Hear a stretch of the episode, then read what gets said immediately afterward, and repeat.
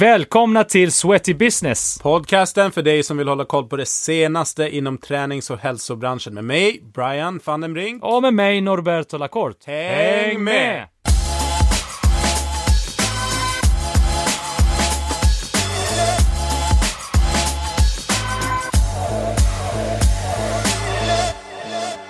Yes, vi är i studion och spelar in eh, säsongsavslutningen utav Sweaty Business. Det måste ju komma fram Ja. lite bättre att vi faktiskt kommer ta en paus. Yes, vi är ju inne. Det här blir ju det 23 avsnittet. Vi har spelat in 23 veckor på raken, tog ingen sommarsemester. Nej, inte Så direkt. vi, eh, vi har ångat på här och eh, har bestämt oss för att ta ett litet break, spela in lite avsnitt under november och sen kommer vi tillbaka i eh, december Ja, absolut. med nya färska avsnitt. Nya sköna Och avsnitt. kanske lite andra nyheter som vi eh, sitter och smider planer för. Mm. Mm. Det blir jävligt spännande. Det Yes. blir sjukt spännande. Men vad har hänt liksom sen sist? Vi, vi har ju blivit nominerade till uh, Guldhjärtat. Guldhjärtat Helt ja. sjukt. Och då var det ju, frågan där var ju liksom, du ställer ju en fråga till mig, så här, är det viktigt att vinna? Ja. Jag ställer tillbaka frågan till dig, är det viktigt för dig att vinna, Brian? Eh, nej, jag tycker i, i det här fallet eh, så ty, det är klart att det är kul att vinna, men det är inte, jag tycker inte det är viktigt. Jag tycker det, i det här fallet så är det en ära att bli nominerad för att det är otroligt många människor där ute som gör bra saker och driver branschen framåt och liksom visar upp en positiv bild och är bra förebilder. Vi är ju nominerade i årets influencer i social media. Precis. Det som jag tyckte var jävligt fint, sorry att jag avbryter det, men det Mm. som jag tyckte var jäkligt fint, som stämde väldigt överens med det som vi vill skapa, det är ju faktiskt eh, eh, nominering, håller på att säga, men, men eh, argumentet för varför vi skulle vinna priset. Mm. Vad var det? Att vi var seriösa men inte pretentiösa? Ja, men precis, Ja. och det var det som fastnade all, allra mest, för att det är ju faktiskt det som vi försöker skapa, och det är ju skönt att eh, det har liksom gått fram, nått Yes. fram. Nej, men eh, som sagt, vinna... Nej, det är kul att bli nominerad. Vi har liksom bara varit igång i drygt fyra månader. Så att eh, de vi går upp emot, många av dem har ju funnits flera år eller liksom har väldigt starkt följe. Så att det känns bara som ett kvitto på att vi är inne på rätt väg och har gjort någonting som uppskattas. Och det vi har ju fått en hel del meddelanden och liksom kommentarer kring att folk tycker att vi gör någonting annorlunda. Eh, och att vi bidrar och inspirerar folk, framförallt inom entreprenörskap och affärskap inom träningsbranschen. Vilket var vår, eh, vårt mål med den här podden egentligen när vi satte igång med den. Att vi själva är väldigt intresserade utav det och ville nysta och träffa en massa duktiga och spännande människor som kanske inte får den uppmärksamheten de förtjänar för att man jobbar inom en bransch som är... Ja, men vi, det är en... Det är en nisch liksom. Och det är Mm. inte så många utanför branschen som känner till branschkändisarna här. Och även inom branschen så kanske man inte vet heller. Nej, precis, och då kanske vi ska förklara lite mer vad guldhjärtat är, för det är kanske inte alla som har koll på det, fast vi kanske tar det för givet då. Ja, men det är ju fitnessfestivalen då som är i år då första helgen i december. Mm. Och de har ju en eh, årlig gala på lördagskvällen som heter Guldhjärtat. Där det finns ett par olika kategorier där eh, olika, mm, alltså alla kan bli nominerade egentligen. Alla kan nominera eh, andra som eh, de tycker gör bra saker. Och sen är det en jury som väljer ut vilka som går vidare till själva nomineringsfasen. Mm. Så blir det en ny röstning eh, då som man kan eh, rösta på vem som faktiskt ska vinna det slutgiltiga priset. Och det är där vi är nominerade. Och det är, ju, det är ju kategorier som årets PT, årets eh, Ja. grupptennisinstruktör, årets eh, gym, årets box och så vidare och så vidare. Så det är massa och olika många kategorier. säger att eh, det är inte så stort. Men jag vet ju att de som vinner tycker ju ofta att det är en Jo, stor men grej. det är ju en stor grej. Herregud, det är ju jättemånga som, som pushar hårt för att Ja. man ska rösta. Så att det tror jag. Ja, ja, men vi kör på. Vi Ja. har funnits som sagt var i bara ett par månader. Så att det känns ju lite sådär... Eh, jag kommer ihåg OS i, eh, vet du fan vad det var. Det var något vinter-OS när en australiensare vann skridskoåkningen. Kommer du ihåg det? När kvartsfinalen, semin och finalen så ramlar alla andra tre åkare och han vinner OS. Det känns lite så här... Fan, Om det skulle vi- gå vägen så är det det som krävs menar du? Det är Jamaican bobsleigh in. team Ja. liksom. Fasen, han australiensare. Jag måste gå. Det är första vinter-OS-guldet. de- Första och enda de har vunnit faktiskt. Nej, men lite så känns det. Vi kom in på ett bananskal liksom och har haft det som ett sidoprojekt och fortfarande Mm. är. Så att, eh, ja.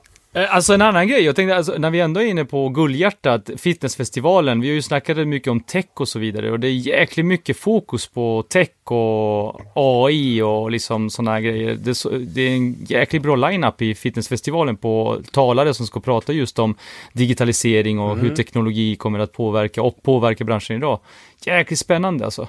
Yes, ja men eh, Så- åk förbi fitnessfestivalen. Det är inte så som det kanske traditionellt sett var. Att det från början var mer för fitness Ja. och bodybuilders och de tävlingarna med Lucia-pokalen och allting. Nu, nu har det verkligen blivit en bransch eh, event Mm. som rymmer mer än eh, pulver och silikon. Det, det, det, finns, det finns plats för, plats för eh, mer alltså business och andra delar. Fitnessbranschen består ju av Jo, väldigt men många hatten, olika... hatten av för Ove Rytter alltså, Ja. han har gjort ett jävligt bra jobb.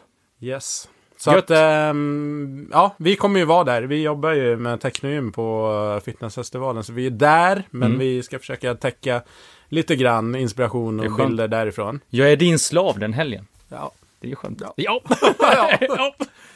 Ja, ja men eh, vi eh, går vidare Mm. helt enkelt till eh, Unionen bransch-update. Vi gjorde ju en eh, intervju här med Shade och Dennis för, från Unionen. Det var avsnitt 15 där vi pratade om arbetsvillkor Mm. för oss som jobbar i träningsbranschen och lite baksidor och avigsidor som finns. Så att det är ett nytt kollektivavtal sen första september. Där eh, bättre villkor om man går med i facket och har mer möjlighet att påverka.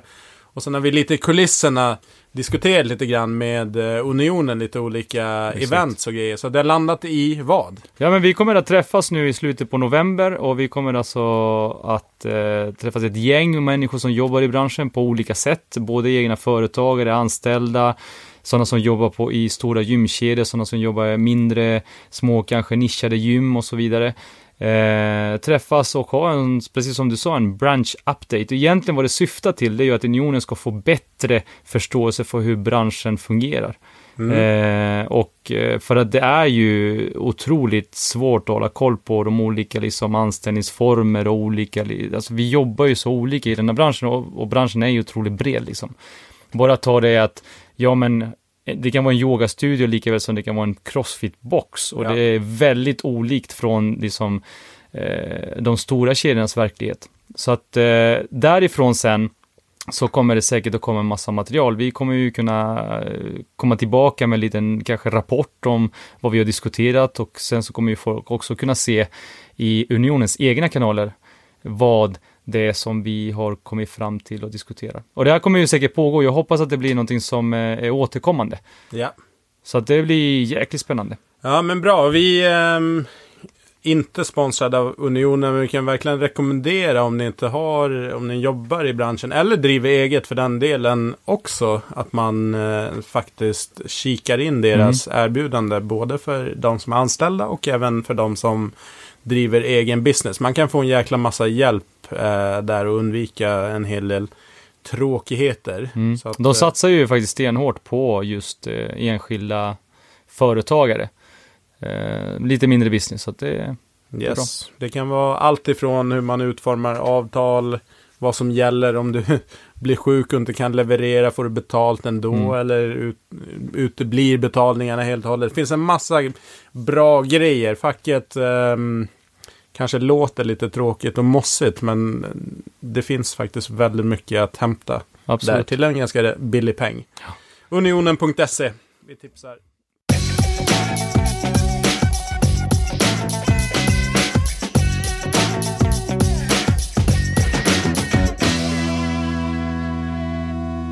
Vi vidare från det här och till andra saker som vi Du har ville diskuterat? prata om tech, hörde jag. Så att, Ja, men eh, precis. Du får, Eh, nej men det jag tar med mig, jag tar med mig en jäkla massa bra grejer för att som sagt, jag tror att vi gjorde ju någon, någon post där vi gick ut och sa, ja men herregud, vi har ju nu, är det ju närmare 30 timmar av utbildning för människor som jobbar i den här branschen, vill jobba i den här branschen, som är verksamma. Eh, för att vi får prata med väldigt eh, bra människor som har eh, väldigt bra erfarenhet och mycket gott att säga. Men det jag, jag fastnar mest för och det jag är själv personligen väldigt intresserad av, det är att se hur teknik kommer att påverka den här branschen framöver.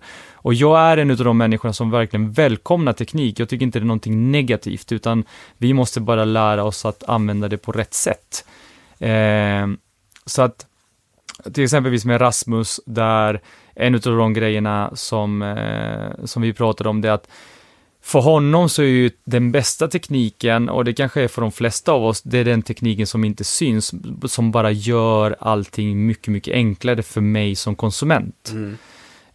Um, det är ju en sak, men det andra är som är jäkligt spännande och det är att se hur kan teknik hjälpa mig som driver en träningsverksamhet att kommunicera med mina kunder på mer deras villkor. Mm. Vilket innebär att ett, med artificiell intelligens som finns, vi pratar ju algoritmer och allt möjligt, eh, så kan jag ju ta reda på mycket mer om min kund, det vill säga vad den är intresserad av, eh, vad den triggas av eh, och sen också vad den inte vill ha, vad den inte är intresserad av och då kan jag styra det utifrån det och det är ju det här som är väldigt spännande att se.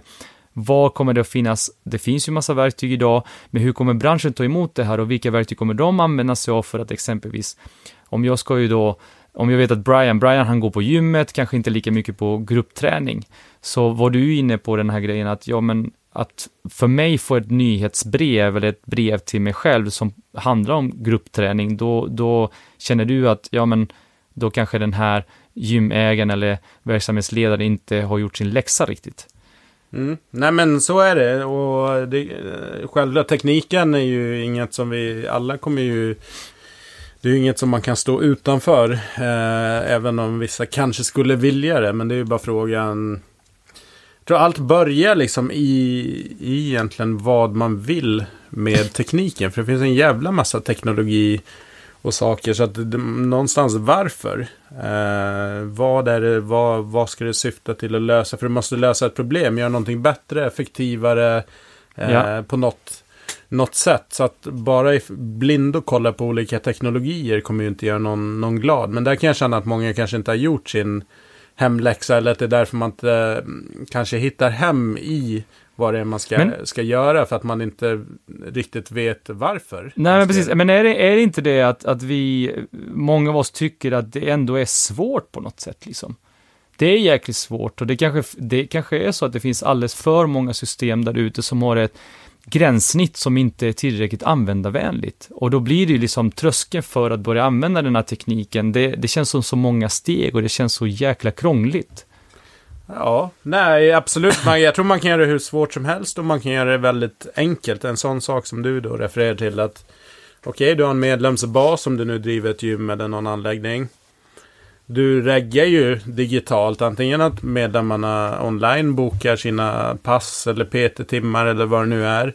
Så att du har ju, där har du ju data, en databas. Så att det är många som inte ens är på det stadiet att analysera den datan. Hur många går på min gruppträning? Hur många procent av min medlemsbas gör det här? Hur mm. många använder PT? Och sen då kunna kommunicera med rätt grupp, med rätt budskap. Att en medlem som varit medlem i fem år som aldrig har köpt en PT-timma. Är det värt att trycka på med budskap om att köpa PT-timmar? Eller ska vi faktiskt fokusera på yeah. de som någon gång har köpt PT eller som köper regelbundet. Att okej, okay, vi fokar ännu mer på att de ska köpa mer mm. och utvecklas.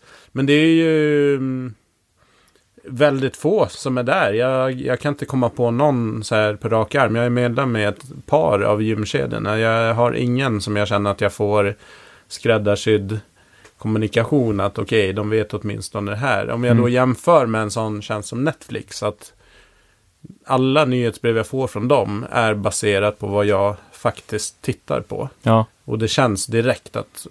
Och kommunikationen är sån. Du, Brian, du kollar på Narcos. Så här kommer den här serien, El Chapo.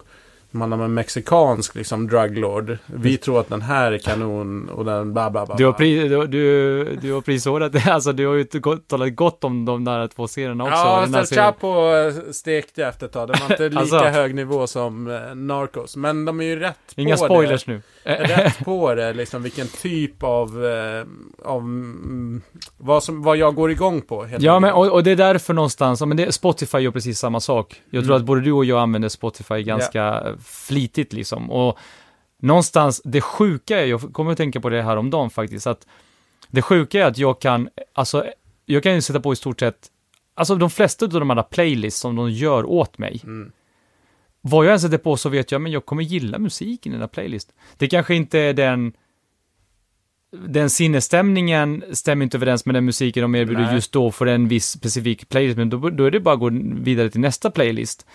Eh, förutom när jag har spelat eh, väldigt mycket barnsånger och sånt där och helt plötsligt så börjar de föreslå att jag ska, jag ska lyssna på massa barn, barnvisor och sånt där. Men Nej, eh, Sinnesstämningen är ju svårare att fånga, men de har liksom Ja. fångat in din karaktär på vad du i, i grund och botten gillar för musik, men de har inte lyckats ta det hela vägen till att hitta dig i rätt sinnesstämning vid rätt tillfälle för att kunna Precis. få rätt spellista. Men dit kommer de att komma. Det är ju det som är så jäkla sjukt, att de kommer ju komma dit. Ja. Och förmodligen så kommer den datan komma någonstans ifrån exempelvis vad jag postar ut i sociala medier Mm. och, och en massa sådana saker. Så att det är ju, ja, läskigt skulle jag inte vilja säga att det är, men det, det är ju sjukt alltså. Ja.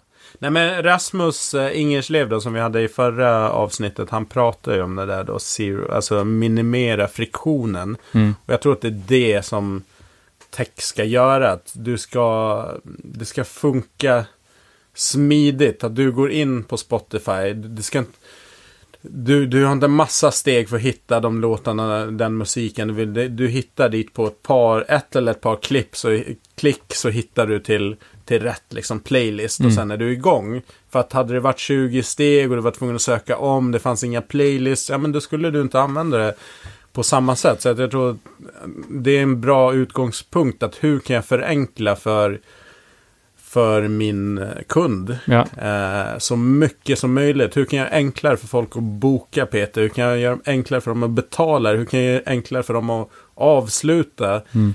Alla sådana här punkter liksom. Och många i tennisbranschen pratar om då kundresan, the customer journey. Och Mm. den kan man ju också göra hur avancerad, eller så gör man den jäkligt enkel liksom. Mm. Okej, om du blir ny medlem på ett gym, vilka touchpoints ska du ha under livscykeln? Eller vad ska de ha de första tre månaderna Ja. för att komma igång?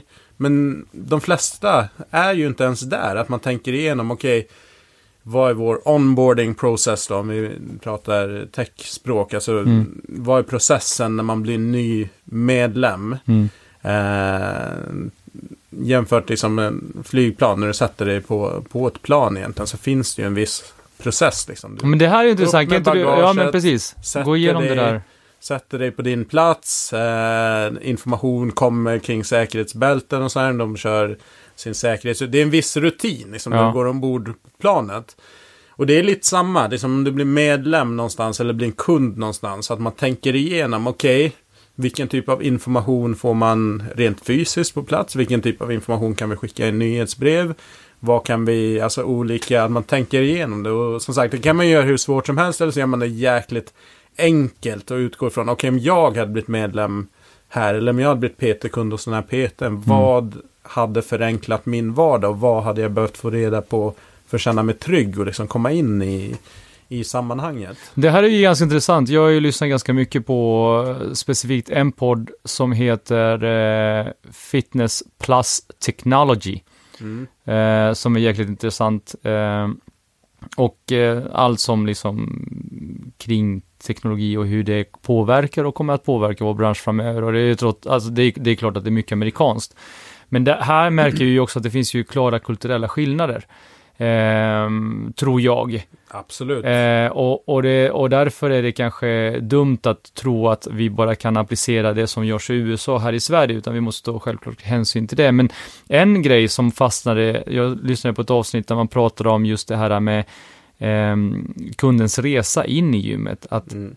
att precis det du var inne på, att i, på många ställen i USA, där får man ju fylla i ett formulär innan, alltså har du väl blivit eh, så att säga medlem, så skickas det direkt ett formulär till dig där du fyller i en massa, det ställs en massa frågor om dig, så att de har en massa information redan om dig när du kommer på, och sen så bokar de ett första möte, och från det där första mötet så lägger man upp en plan för dig som kund, oavsett om du är intresserad av att köpa personlig träning eller någonting annat egentligen.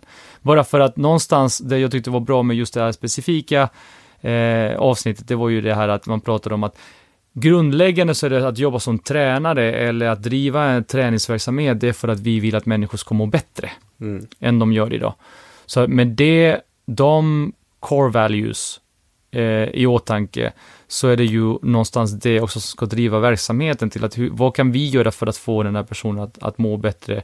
För att det som vi hela tiden slåss mot, det är ju att individen i frågan ska falla tillbaka i gamla mönster Mm. eller nuvarande mönster, alltså beteenden som redan finns där. Eh, och det är ju det svåra som finns, vet vi ju, det är ju att bibehålla en god vana. Ja, och sen är det ju, det är ju början på en relation som du kan påverka relationen i någon riktning. Får du en dålig upplevelse i början så är det nu svår att hämta upp i Mm. slutet. Och likväl om du får en bra upplevelse i början och förtroende och så är det svårare att, eller mindre sannolikt att någon hoppar av och slutar för att man har fått en bra intro, man känner sig trygg och bekväm i konceptet eller med de personerna som man, eh, som man ska träna hos. Mm. Men eh, tyvärr så ser det ju för det mesta ut att det är ju någon säljare som antingen via telefon eller på anläggningen säljer och så i bästa fall får du en, en snabb guidning av gymmet, var omklädningsrummen Mm. ligger. Och, och sen är man i, igång liksom och det är lite så här, ja men nu hittar du här och vissa har ju en viss eh, process där, där man kanske ska gå igenom vissa steg sådär. Men jag, jag, i Sverige har jag inte något bra exempel på någon som, som jag tycker har en sån här klockren eh, process. Så har ni några tips på någon som Absolut. jobbar väldigt bra med det så skicka gärna in det Ja, till oss. det vore ju Tipsa. skitspännande att höra liksom någon slags riktigt bra case som finns där ute, där de verkligen har lyckats med hela processen och hela kedjan. Men du, en fråga bara, alltså jag tänker så här, det är ju många som, som är rädda för teknik. Eh, och det är ju många som kanske där ute tycker att, ja men hur hotad ska jag behöva känna mig för teknik eller appar som kommer där du kan ha din PT i fickan och liksom allt det här. Eh, behöver gymmen oroa sig för det här? Behöver liksom de traditionella gymmen oroa sig för det? Nej, jag, eller nej, både ja och nej. Klart om du inte hänger med och är helt analog så tror jag att det finns en risk att du, att du kan bli utslagen. Men jag tror att tech och, ehm, och det liksom analoga kundmötet, där, de två tillsammans, där uppstår någonstans magin. Jag tror inte att en träning som är helt baserad digitalt där du aldrig träffar någon och sådär. Jag tror att det håller ett tag, men du bygger inte någon relation egentligen till någon, jag vet inte, jag tror inte till någon, någon app eller någon digital person. Men däremot om man kan ha både och så tror jag att båda kan förstärka varandra. När du är på anläggningen så får du liksom träffa kött och blod den personen och sen kan du, jag vet inte, logga din träningsdata och så vidare. Men när du inte är på plats så kan du ändå få inspiration och träning och, och pass och liksom hålla en, hålla en dialog och relationen igång utanför gymmets eh, fyra väggar. Så att jag tror att det, det kommer landa i en kombination. Men, om, men om man väljer att stå helt utanför, ja då tror jag att man har anledning kanske att oroa sig för hur den utvecklingen kan bli. Men det är väl snarare, det är väl snarare någonstans det här eh, gamla sättet att tänka på att ja, men, eh, vi, det funkar för oss hittills Mm. och vi gör alltid som vi har gjort och därför fortsätter vi att göra som vi alltid har gjort. Jag tror att det är väl snarare det man ska vara mer orolig för. Eh, Absolut, är, men kolla taxibranschen. Det är ju en intressant bransch som fick sig en rejäl spark i baken. Och, och det var ju superpoppis att ta upp Uber som ett exempel på liksom ett bolag som disruptor, som förs- förstör, men som stör en, en industri. Men det har ju också någonstans landat i, taxibolagen har inte försvunnit och Uber har inte tagit över hela världen. De har också sina, sina issues, men mycket av det tänket som Uber hade med att göra det otroligt enkelt. Att boka en taxi, då det kreditkortsuppgifter i. Du betalar i, det, betalningen sker i appen, du kan ratea chauffören. Du ser vad taxin är någonstans. Om någon annan som vill ha koll på dig och är orolig för att du ska komma hem kan också se var taxin är och se att du har blivit avlämnad hemma. Om man tittar typ Taxi Stockholm och Cab Online som då är Taxi 020 och Kurir och, och Ja. någon till. Så har de ju anammat mycket av den, det tänket och den teknologin i sina appar. Så de har tagit till sig de här friktionsgrejerna. Alltså jag ringer ju aldrig till taxiväxeln och bokar en taxi. Jag skriver ju in det i appen och jag har Mm. mina kreditkortsuppgifter där och betalar där Mm. också. Det sker ingen transaktion i själva Nej, taxin så att, liksom. så att en, ett, ett hot då som Uber som kommer in och stressar på utvecklingen har ju bara bidragit till att ja, men övriga aktörer har fått shapea upp.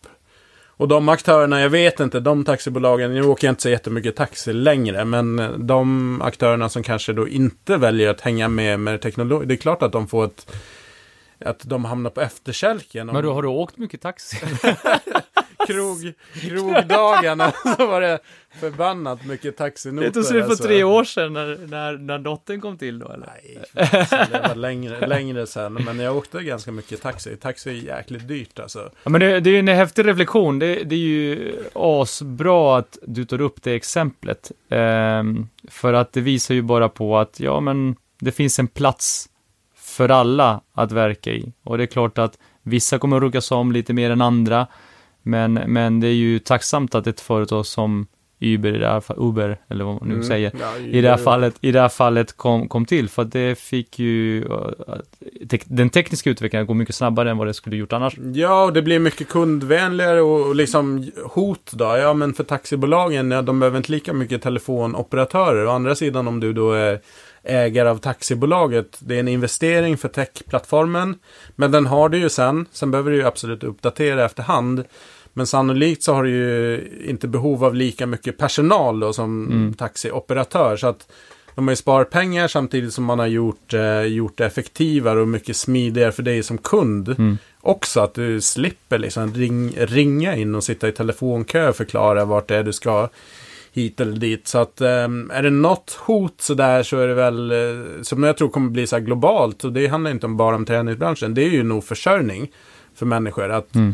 en hel del teknologi kommer slå ut många yrken som kan automatiseras. Det är ju bara att se snabbmatsindustrin i USA där, där man för, facken försökte pressa upp minimilönerna eh, för att, ja, jag vet inte hur lågt det var liksom, men ett par få dollar i timman liksom som, som var minilönen. Och svaret från, kommer inte ihåg vilken kedja det var, eh, att de satte in automater istället i typ 200 av sina restauranger. Så att man beställer allting via skärm och sen har du personal som lagar. Så man tar bort kassapersonalen i princip och sen har du personal som lagar maten och sen ställer fram det. Mm. Så att eh, jag tror det är nog utmaning så här globalt. Mm, I alla fall i de utvecklade Men länderna. någonstans är vi överens om i och för sig att, att att det, det här pratas ju ganska mycket om i branschen. Vi vet ju då att det finns exempelvis eh, system där du kan gå in och köra gruppträningspass utan att Mm. ha någon instruktör framför dig. Eh, och så vidare. Så det finns ju massa eh, system som gör att du idag kan få en upplevelse eh, som jag kanske personligen, och många med mig tror jag, inte tycker är lika bra, men som du kan få en, en bra upplevelse att köra gruppträningspass exempelvis, eller ett pass själv, men inte behöva ha en person bredvid dig eller som står framför dig och håller i det nära träningspasset. För jag menar, en sak som vi gör exempelvis, det här med att prata i folks öron, det är ju någonting som jag tror kommer växa bara mer och mer och mer. Bara titta på Alexa och liksom alla de olika eh, Google Home och alla de här som finns där du kan bara gå ner för trapporna eh, från, du har vaknat och sen gå ner för trappan och säga Alexa kan du tala om vä- hur vädret blir idag och sen så får du det uppläst samtidigt som eh, som du på väg ner för trapporna när du kommer ner och ska borsta Mm. tänderna så här, Alexa kan jag få de senaste nyheterna så, så får man det uppläst istället för att du sitter själv och aktivt läser någonstans. Eh, jo, det här finns ju på gymmen också, det är det här som är så sjukt. Det finns ju några gym som har börjat göra försök på att ha en personlig tränare i, i örat på folk. Ja. Som en förlängning av det här. Och det är precis det vi snackar om, att ja men vad händer när människor inte är på gymmet? För att du kan ju de här siffrorna bättre än jag. Vi pratade om att den vanliga besökaren på gymmet, vad är det, vi pratar 90 minuter, två timmar per vecka. Ja, ungefär. På sin höjd. Eh, det är väldigt, väldigt mycket tid som vi inte har liksom en aning om vad som händer med våra medlemmar. Men idag med exempelvis wearables, det vill säga Fitbits och alla vad, vad som nu finns mm. där ute, så kan, så kan man i stort sett ta reda på liksom, okej, okay, den personen efter gymmet går den direkt till den och den affären och köper sina, sina, sina liksom, eh, eh, varor där. Eh, en gång i veckan så går den personen dit för att man har stenkoll på vad den personen gör och var den befinner mm. sig. Vilket är ju sjukt, men Ja, nej men det blir... Det händer här och nu liksom. Det, det, jag ser det som lager som läggs på, på det befintliga. Vi är ju från en analog tid. Eh, där man liksom träffas face to face. Och liksom du pratar här om att upplevelsen är sämre digitalt. Och jag, jag håller med dig. För vi kommer ju, men vi är ju båda uppväxta med som att ha en tränare fysiskt och gå till en lokal. Mm. Samtidigt så kommer det fram många människor som, kommer, som inte kommer ha den grundupplevelsen. Utan deras första upplevelse ja, av träning sant. kommer vara digital. Så för dem så kommer det vara tvärtom. Att den fysiska upplevelsen kanske de upplever sämre. För att om vi börjar prata teknik framåt här med liksom AR, augmented reality, alltså att man förstärker verkligheten där du kanske har glasögon eller någonting så att du kan ändå skapa en känsla av att du är bland en massa människor fastän du kanske är själv i ditt mm. rum. Eller du är liksom världens fetaste yoga upplevelse. Fast du är egentligen på ett ställe som inte är så inspirerande. Men just att du skapar den där förstärkta verkligheten. Så att det, vi, har, vi, det blir väldigt intressant att se hur, eh, hur, det, hur det hela blir. Jag tänker bara ett land som Kina som har liksom enorm teknisk fram, framväxt. Enormt utspridda människor. Mm. Där kommer det ju vara rent så här omöjligt. Det blir omöjligt att samla massorna på i stora hubbar liksom. Så att sådana ställen kommer det bli intressant att se liksom hur hur den här typen av teknologi och mm, konsumentbeteende. Men jag tror att vi, det blir intressant när vi ser en annan generation som, som går rakt in i den digitala upplevelsen som kanske den första. Och jag tror att det kommer faktiskt skapa möjlighet att andra människor hittar in till den traditionella träningen som mm. kanske inte gillar att vara bland en massa människor på ett gym. Och, men vad, allt vad det innebär, liksom att man faktiskt ändå blir Många upplever att de blir bedömda. Mm. Eh, att de inte är tillräckligt tränade eller att de är för stora eller för små eller för muskliga. Vad det nu kan vara för någonting. Att, att den upplevelsen då kan du få den själv men ändå få en schysst upplevelse via VR eller AR. Så kan det nog bli intressant att andra människor som inte är bekväma på gym. För att det är också en sån fråga att i Sverige, Norge, Danmark så har vi en penetration, alltså betyder att ungefär andelen människor i landet som tränar på träningsanläggning. Den ja. ligger högt, den ligger runt 20-25 procent. Men så tänker man, ja men om det är 20 procent så finns det ju 80 procent till att ta. Mm. Men problemet är ju att alla de 80 procenten är ju inte attraherade av den produkten som erbjuds idag, som är de fysiska Nej. gymanläggningarna. Så att jag tror att rätt liksom, grej till rätt person. Och i vissa fall så kommer folk jobba mellan de här och vissa kommer bara vara på digitala och vissa kommer bara vara på det analoga. Men jag tror att det, träningsbranschen kommer förändras och vad som är träning kommer också förändras och hur den presenteras och mm. görs. Jag, jag, tror att du och jag också, om vi tar det till liksom mer liksom relevant idag, eh, vi kan ju prata, för vi kan säkert, eh, både du och jag föreställa oss, din, din dotter och min son som är runt tre år gamla, Ellie och Oliver, eh, undrar hur de kommer att träna i framtiden. Det kan vi bara liksom mm. Eh, föreställa oss om, alltså sia om. Men idag så är det ju så här att vad behöver vi inom branschen göra? Vi behöver ju höja vår kompetens är vi både du och jag ja. överens om, om eh, tekniska utvecklingen och hur den kan hjälpa mm. oss att, vi pratar ju klart mycket affärer, eh, men också att, att nå fler, att, att se till att flera människor håller sig aktiva under en längre tid, att de behåller sina goda vanor. Eh, och hur kan vi göra det på, på bra sätt liksom? Vad, vad finns det för, det finns alldeles för lite kanske, eller behöver vi göra en förändring i skolorna som utbildar tränare, eller eh, forum som samlar branschen, alltså beslutsfattare och så vidare. Mm. Behöver vi göra mer där? Ja, ja, definitivt. Allt tror jag. Dels, men ett handlar ju om att vara nyfiken på det. Som, det är jobbigt att lära sig nya grejer. Det är ju inte... Det är ju skönt. Alltså det är ju lätt att göra de grejerna som man redan kan. För att det går på automatik och man är bekväm med det. Det är ju alltid en utmaning att lära sig någonting. Och särskilt om man ska lära sig någonting som man kanske inte är så intresserad utav. Men man måste någonstans vara intresserad utav. Så att, eh, ja men bland annat lyssna på den här podden. Jag tycker mycket handlar om att liksom vara där ute, ha, ha koll, läs artiklar, följ intressanta människor. Träffa era leverantörer utav träningsutrustning. Det är ju, de flesta är ju inne på mer eller mindre liksom så man kan få reda på vad, vad som är på gång där. Inspireras av andra koncept som har börjat ta steg. Och gör det inte så jäkla komplicerat. Det är liksom inte... Man kan göra så avancerat man vill eller så enkelt, som, så, så enkelt man vill. Mm. Uh, men viktigast är nog att börja vara nyfiken någonstans och börja liksom skaffa sig lite uppfattning om vad som finns där ute och vartåt det bär. Mm. Det håller ju inte bara att sitta på sitt liksom och kämpa på med sina autogiron och plastkort och liksom allt som har varit tidigare. Det, det här är ju inte, det här är ju jäkligt intressant, för vi, autogiro dyker upp som en sån här grej. Autogiro, vad är det då? Jo, det innebär att eh, ofta så är det så här att man binder upp kunder på en viss tid, 12 månader, det kan finnas längre eh, avtal också, och pengarna dras alltså från ett bankkonto. Mm. Och det är en ganska omfattande process för att det ska ju skrivas på papper och skickas iväg och så vidare och så vidare. Eh, och jag hade ju en sån diskussion med en eh, aktör i branschen eh, som då hävdar att, ja men, där kanske du och jag har olika syn, sa han då. Mm. Eh, på grund av att vi vill ju att flera gym ska ha autogiro. Och jag förstår ju också, för att det handlar ju om cashflow. Mm. Eh, att man vet att man får in en viss summa pengar varje månad.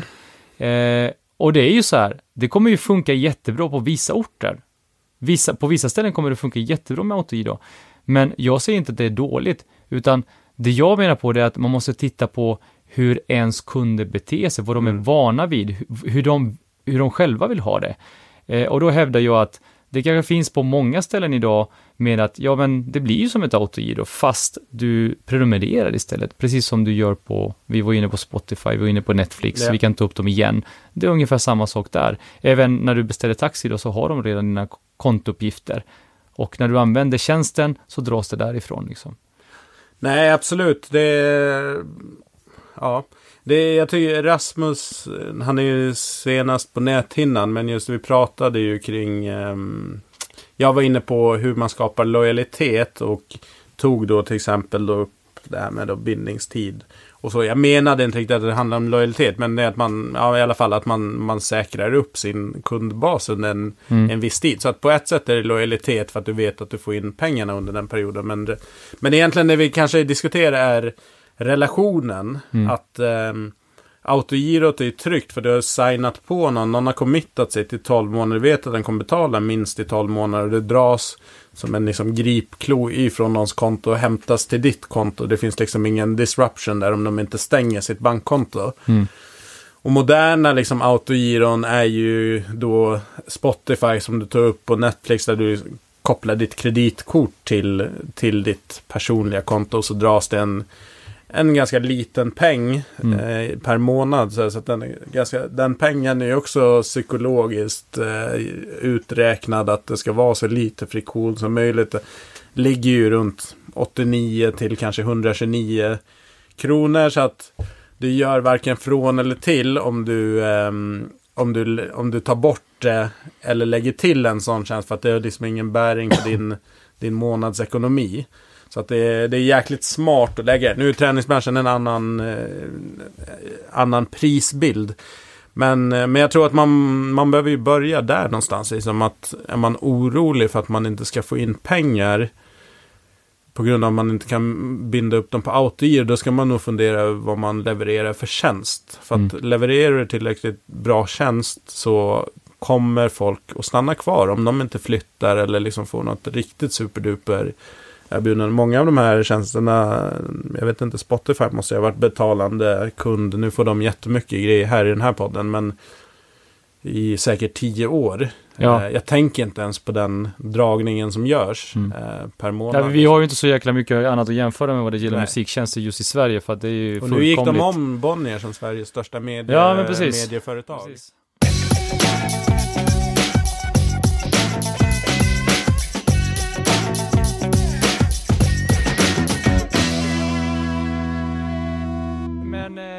Men det var bra för du, du var ju också inne på, det är ungefär samma grej som, som vi kommer in på och vi pratar ju affärer ofta. Eh, segmentering är ju någonting som du, Ja, ja, Eh. alltså det, det är ju grunden. Segmentering. Eh, Vad är segmentering? Kan inte du- kan begrepp, inte du bara liksom. Det är ta det- från marknadsföringens urtider. Men segmentering handlar egentligen om att du styckar upp eh, målgruppen. Alltså om du har 100 pers Mm. Och delar upp dem i subkulturer. Du gillar Zumba, du gillar PT, du gillar gym. Tre Mm. olika målgrupper. Det är en segment. Så att segmentet PT, människor som tycker om träna med personlig tränare. mm, Det är det segmentet som jag jobbar, jobbar med. Så att det är i princip samma sak där. och Att okej, jag ska öppna ett... Jag tar gym som exempel. Att jag ska öppna ett gym. Att ja, men vad ska det här gymmet vara till för? Det är klassiska. Och eh, det var Rasmus också inne på att under en period här från slutet på 80-talet till kanske för något år sedan så växte hela träningsbranschen. Alltså fler och fler hittade in till gymmen. Så att det var i princip bara att öppna upp ett gym för att det fanns inget annat gym i området. Så att du får automatiskt de som bor eller jobbar där i krokarna blir ju medlemmar. Så du inte behöver fundera så mycket kring vem är målgruppen. Så att många ju kommunicerar träning för alla. Alla är välkomna. Det är barn, det är seniorer, det är allt under samma tak. mm. Och den typen av anläggningar kommer finnas kvar, men även de tror jag kommer få fundera över vilka tjänster de erbjuder och kanske också välja bort vissa målgrupper. Mm. Men ehm, i liksom dagens medielandskap där det är så mycket budskap, så många kanaler, så för att vara relevant och tydlig så måste du ju välja väldigt tydligt vem du pratar med.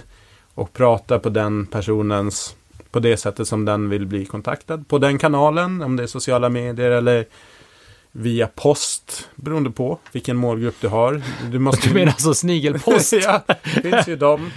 Vykort? Eh, som, som gillar det. Mm. Eh, men att man vågar välja målgrupp och utifrån det skapar sitt erbjudande. Bygger sin anläggning. Bygger, ja vilka tjänster behöver jag?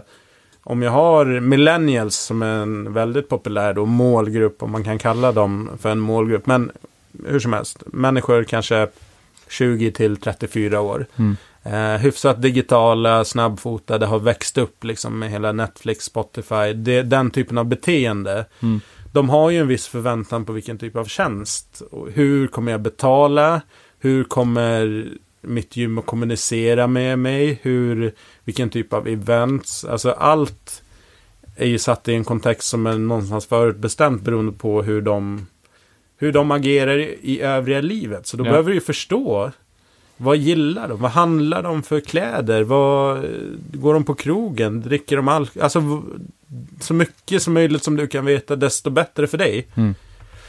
Och det är svårt. Det är jättesvårt. Men, men du måste ju börja där. Men jag funderar på, alltså är det inte så att bara, bara en tanke, alltså, ju starkare varumärke du har, desto bredare segmentering.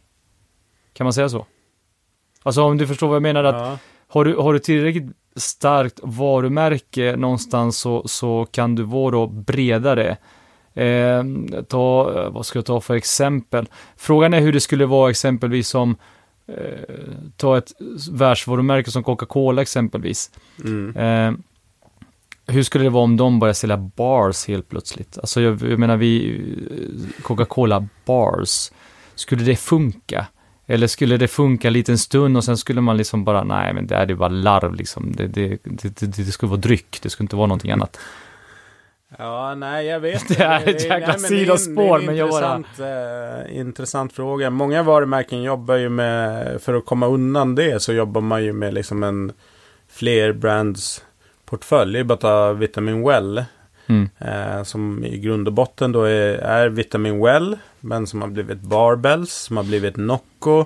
Och så nu kommer de med någon proteinsnack, Snack Bros eller någonting såg jag på sociala medier. Så att man skapar ett nytt varumärke för en ny produktkategori. Mm. Ehm, ja, kanske för att komma undan det då. Att, ja, jag vet inte. Ja, Coca-Cola kanske hade kommit undan med det på vissa. Men jag tror de hade fått utmaning i att kommunicera sina bars också på ett trovärdigt sätt. Så att för dem hade det förmodligen varit smartare att skapat något annat Mm. varumärke som hette eh, whatever. Men som Men är, för jag tänker mig alltså, ta exempelvis eh, de, no- några stora gymkedjor som exempelvis Sats eller Mm. Nordic Wellness. De är ju extremt breda. Det finns ju allt.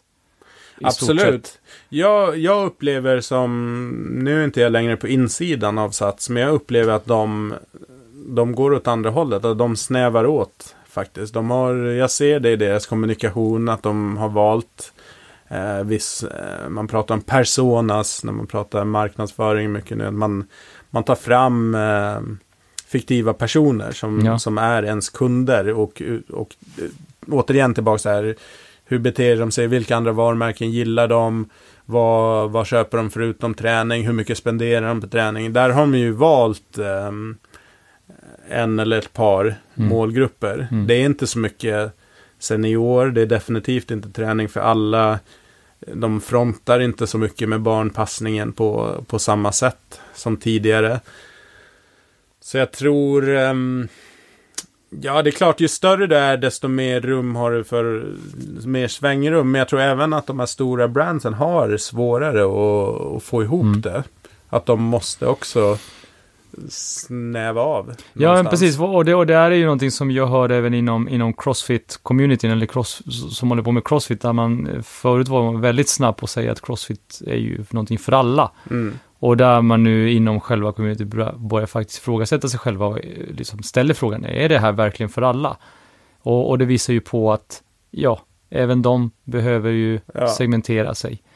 Eh, intressant. Det är, det är klart att man, en, en Crossfit box inte tacka nej till någon som inte kanske rent så här, bara, inte kanske passar in i mallen för vad en Crossfit-människa är. Men att man kanske inte marknadsför sig till dem. Det är två helt separat. Det betyder inte att man tackar nej, men man kommunicerar till en viss typ av person. Exakt, och det här är ju någonting som är viktigt. De är som en sån här utbildande grej. Du pratar om persona exempelvis, man tar fram liksom en Mm. fiktiv person. Som exempelvis vet ju, Nike exempelvis har ju en, en kvinna som är mellan 19 och 25 år gammal. Det är ju liksom målgruppen som de säger de är. Men den faktiska målgruppen är ju mycket äldre. Ja. Så att det är ju det här man ska ha med sig också att Ja, det ena är liksom, ja men vi marknadsför oss mot den här målgruppen, alltså hela vår kommunikation andas Mm. eh, segmentet inom den här målgruppen, men de som faktiskt köper våra produkter är faktiskt en annan målgrupp. Ja. Eh, som attraheras väldigt mycket av just den här kommunikationen. Men jag tror en, en grej så här för eh, folk som jobbar i träningsbranschen eh, och, ja, och äger businessar, det är att man, man behöver uppgradera sin kompetens. Dels lära sig mer om, om teknik och om marknadsföring. Men man måste också få in folk som kan teknik. För det är ju också en grej, du behöver ju någon på insidan om du är tillräckligt stor och egentligen bara, bara allmänt så här, någon internt som har koll på på tekniska grejer, men gärna sprida kompetensen. Men, men jag tror marknadsföring väldigt mycket idag är drivet av en smart marknadsföring. Mm. Det räcker inte längre med att ta en sån grej som dryck i affär. Tidigare var det liksom nyckeln att du skulle komma ut i så många butiker som möjligt. För att då köpte folk när det fanns i kylarna. Och det är klart att den fortfarande är superviktig. Men nu är det nästan tvärtom. Att det är viktigare att komma ut i sociala medier och bygga en, en hype kring en grej och få en efterfrågan från butik att vi vill ha in er dryck för att alla jäkla frågar efter den här drycken. Jag tror till exempel en sån grej som Nocco har lyckats gjort en sån omvänd grej. Att man tar fram något och bygger en jäkla hype så att det blir så här. Det blir helt omöjligt för handlaren att inte ta in produkten i sitt, eh, sitt sortiment. Mm. Eh, så att, eh, ja, marknadsförings, de som är duktiga på att marknadsföra sig kommer, kommer vara de som lyckas mycket. För utan en bra marknadsföring idag så, klassiska, syns du inte så finns du inte. Men det handlar inte bara om att synas, du ska synas på rätt ställe och till rätt person. Mm. Eh, och det är, mm, marknadsföring är ju ett lurigt ämne. För att du kan ju en åsikt, tycka om färger och tycke och smak. Det är ju en del av marknadsföring. Mm. Men sen finns det ju ett hantverk, ett yrke. Dels från erfarenhet, att man har varit i olika situationer och, och snabbt kan bilda sin uppfattning om vad man tror kommer funka eller inte. Men sen också hela liksom målgrupper, anpassade Ja. budskap, kanalval och så vidare. Det många som inte fattar att det kanske är den största delen av marknadsföring. Många tror att det handlar om är den här loggan snygg eller ful. Ja, men alla kan ju tycka till, till om Ja, det. precis. Mm. Men ja, precis, och när vi snackar teknik så är det ju inte så som det var på, på, på min tid när man eh, anställde en tekniker på företaget, att det var så här att dra nätverkskablar och kolla vilken router man skulle ha, utan nu snackar vi ju liksom på helt, eh, alltså mer, mer eller mindre helt och hållet mjukvara liksom. Mm. Det vill säga, det du, just du snackar om, det handlar otroligt mycket om kommunikation, hur det funkar. Ja, mjukvara är så här. Det är jättebra om du har en fantastisk mjukvara. Men du måste ju förstå personen som ska använda mjukvaran. Så att den förstår och kommer använda den. Så att det här, precis som du säger, det handlar inte bara om att ge förutsättningarna för. Alltså att man drar sladdarna och ser till så att grejerna är där. Men du måste också få personen att använda det och ha en så pass bra eh, teknisk lösning så att man vill använda det. Mm. För det upplever jag också i många fall. Man själv har laddat ner olika appar och ska testa och regga grejer. Att, ah, det skaver på, Mm. på väldigt många, många appar. Liksom att det finns vissa fundamentala saker som, som man har missat. Som, man, som gör att man bara, ah, men jag tar bort den här appen. Det blir det är inget bra för att jag vill. Oftast är det ju appar använder man ju oftast till. De har ju oftast ett huvudsyfte per app. Det är ju också en eh, fara som jag ser att många vill som pratar i termer av att skapa en app. Att Mm. den ska kunna göra så jäkla mycket grejer. Och det är så här, ja men för ett gym då, det kanske är viktigaste då att du ska boka gruppträningspass i appen och kunna liksom administrera ditt medlemskap. Att man kanske inte ska tänka för stort till att börja med. För att förmodligen kommer användaren ha din app till ett huvudsyfte. Sen kanske den kommer göra vissa andra grejer. Men Ja. jag menar, ta Taxi Stockholm. Nu kanske jag inte kan göra så mycket mer än att boka taxibilar. Så, men det är ju liksom den tjänsten jag har den till primärt. Att Mm. Bam, jag trycker på en knapp, adress, slå in adressen, vart jag, vart jag ska hämtas och vart jag ska. Mm. Jag slipper liksom prata egentligen med taxichauffören. Ja, och är, det inte, är inte det det som är problemet då när vi, när vi börjar fundera på så här, ah, okej, men vi ska släppa en app och så i utvecklingsfasen innan den överhuvudtaget är släppt så börjar vi fundera på vilka tjänster och vilka grejer vi ska koppla till den appen, vad den skulle kunna göra. Då gäller det bara att hålla det jäkligt basic för att det är ju så här att har du väl startat eh, eller utvecklat en app och du lanserar den appen och folk börjar använda det så kommer du ju lära dig vad det är du behöver lägga Ja. till eller dra ifrån eftersom du kan ju faktiskt svart på vitt se hur den används. Och du kommer även kunna få kommentarer, eller du kan ju åtminstone ställa frågor också. Vad tycker ni? Och, och så vidare. Så får man ju liksom utveckla den under tiden. Mm. Och, och en annan grej då om vi pratar marknadsföring och utveckling av appar, utveckling av hemsidor. Att det här old school-tänket att man ska lansera en app eller lansera en hemsida. Att man, man tänker bort ifrån det utan mer tänker att det är en levande process. Att du gör ständiga uppgraderingar allt eftersom. Så att det är Mm. inte de här stora tunga webbprojekten. Man ligger i en bunker i ett år och fixar och donar med en hemsida som sen lanseras och sen är den liksom död i tre år innan nästa webbprojekt. Alltså det, du måste ständigt ha budgeterat och planerat för att okej nu om, om tre månader så kanske någon ny teknik, någon ny grej som du behöver få in på din webb för Ja. att den ska vara kompatibel med olika grejer. Så det är också en superviktig grej att man inte gör de här megaprojekten och sen tar alla pengarna slut där. För att tyvärr, eller, eller tyvärr, det är ju en möjlighet, men det är bara så att grejer kommer utvecklas, tekniken kommer gå framåt och det kommer bara gå fortare och fortare. Så man måste hela tiden ha lite spelrum för att kunna utveckla till nästa nivå, nästa funktion som behöver mm. komma till. Och det är frustrerande men det är också en jättemiss som många gör. Att man lägger allt krut på en grej.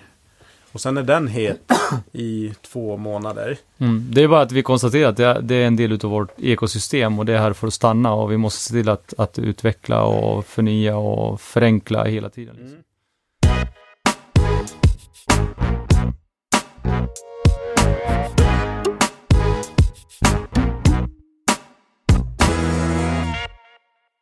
Ja, så att eh, nu blir det um, några veckors break här med avsnitt. Det finns ju 22 andra avsnitt att, att lyssna på. Att lyssna på. Eh, lyssna igen. På eh, de flesta av dem finns det grejer att hämta upp eh, igen. Um, sen kommer vi tillbaka, men häng med i sociala medier. Vi kommer hålla hög takt där. Framförallt Instagram, Facebook och eh, en del video material. Absolut. Eh, Vågar vi säga någonting om när vi är tillbaka eller?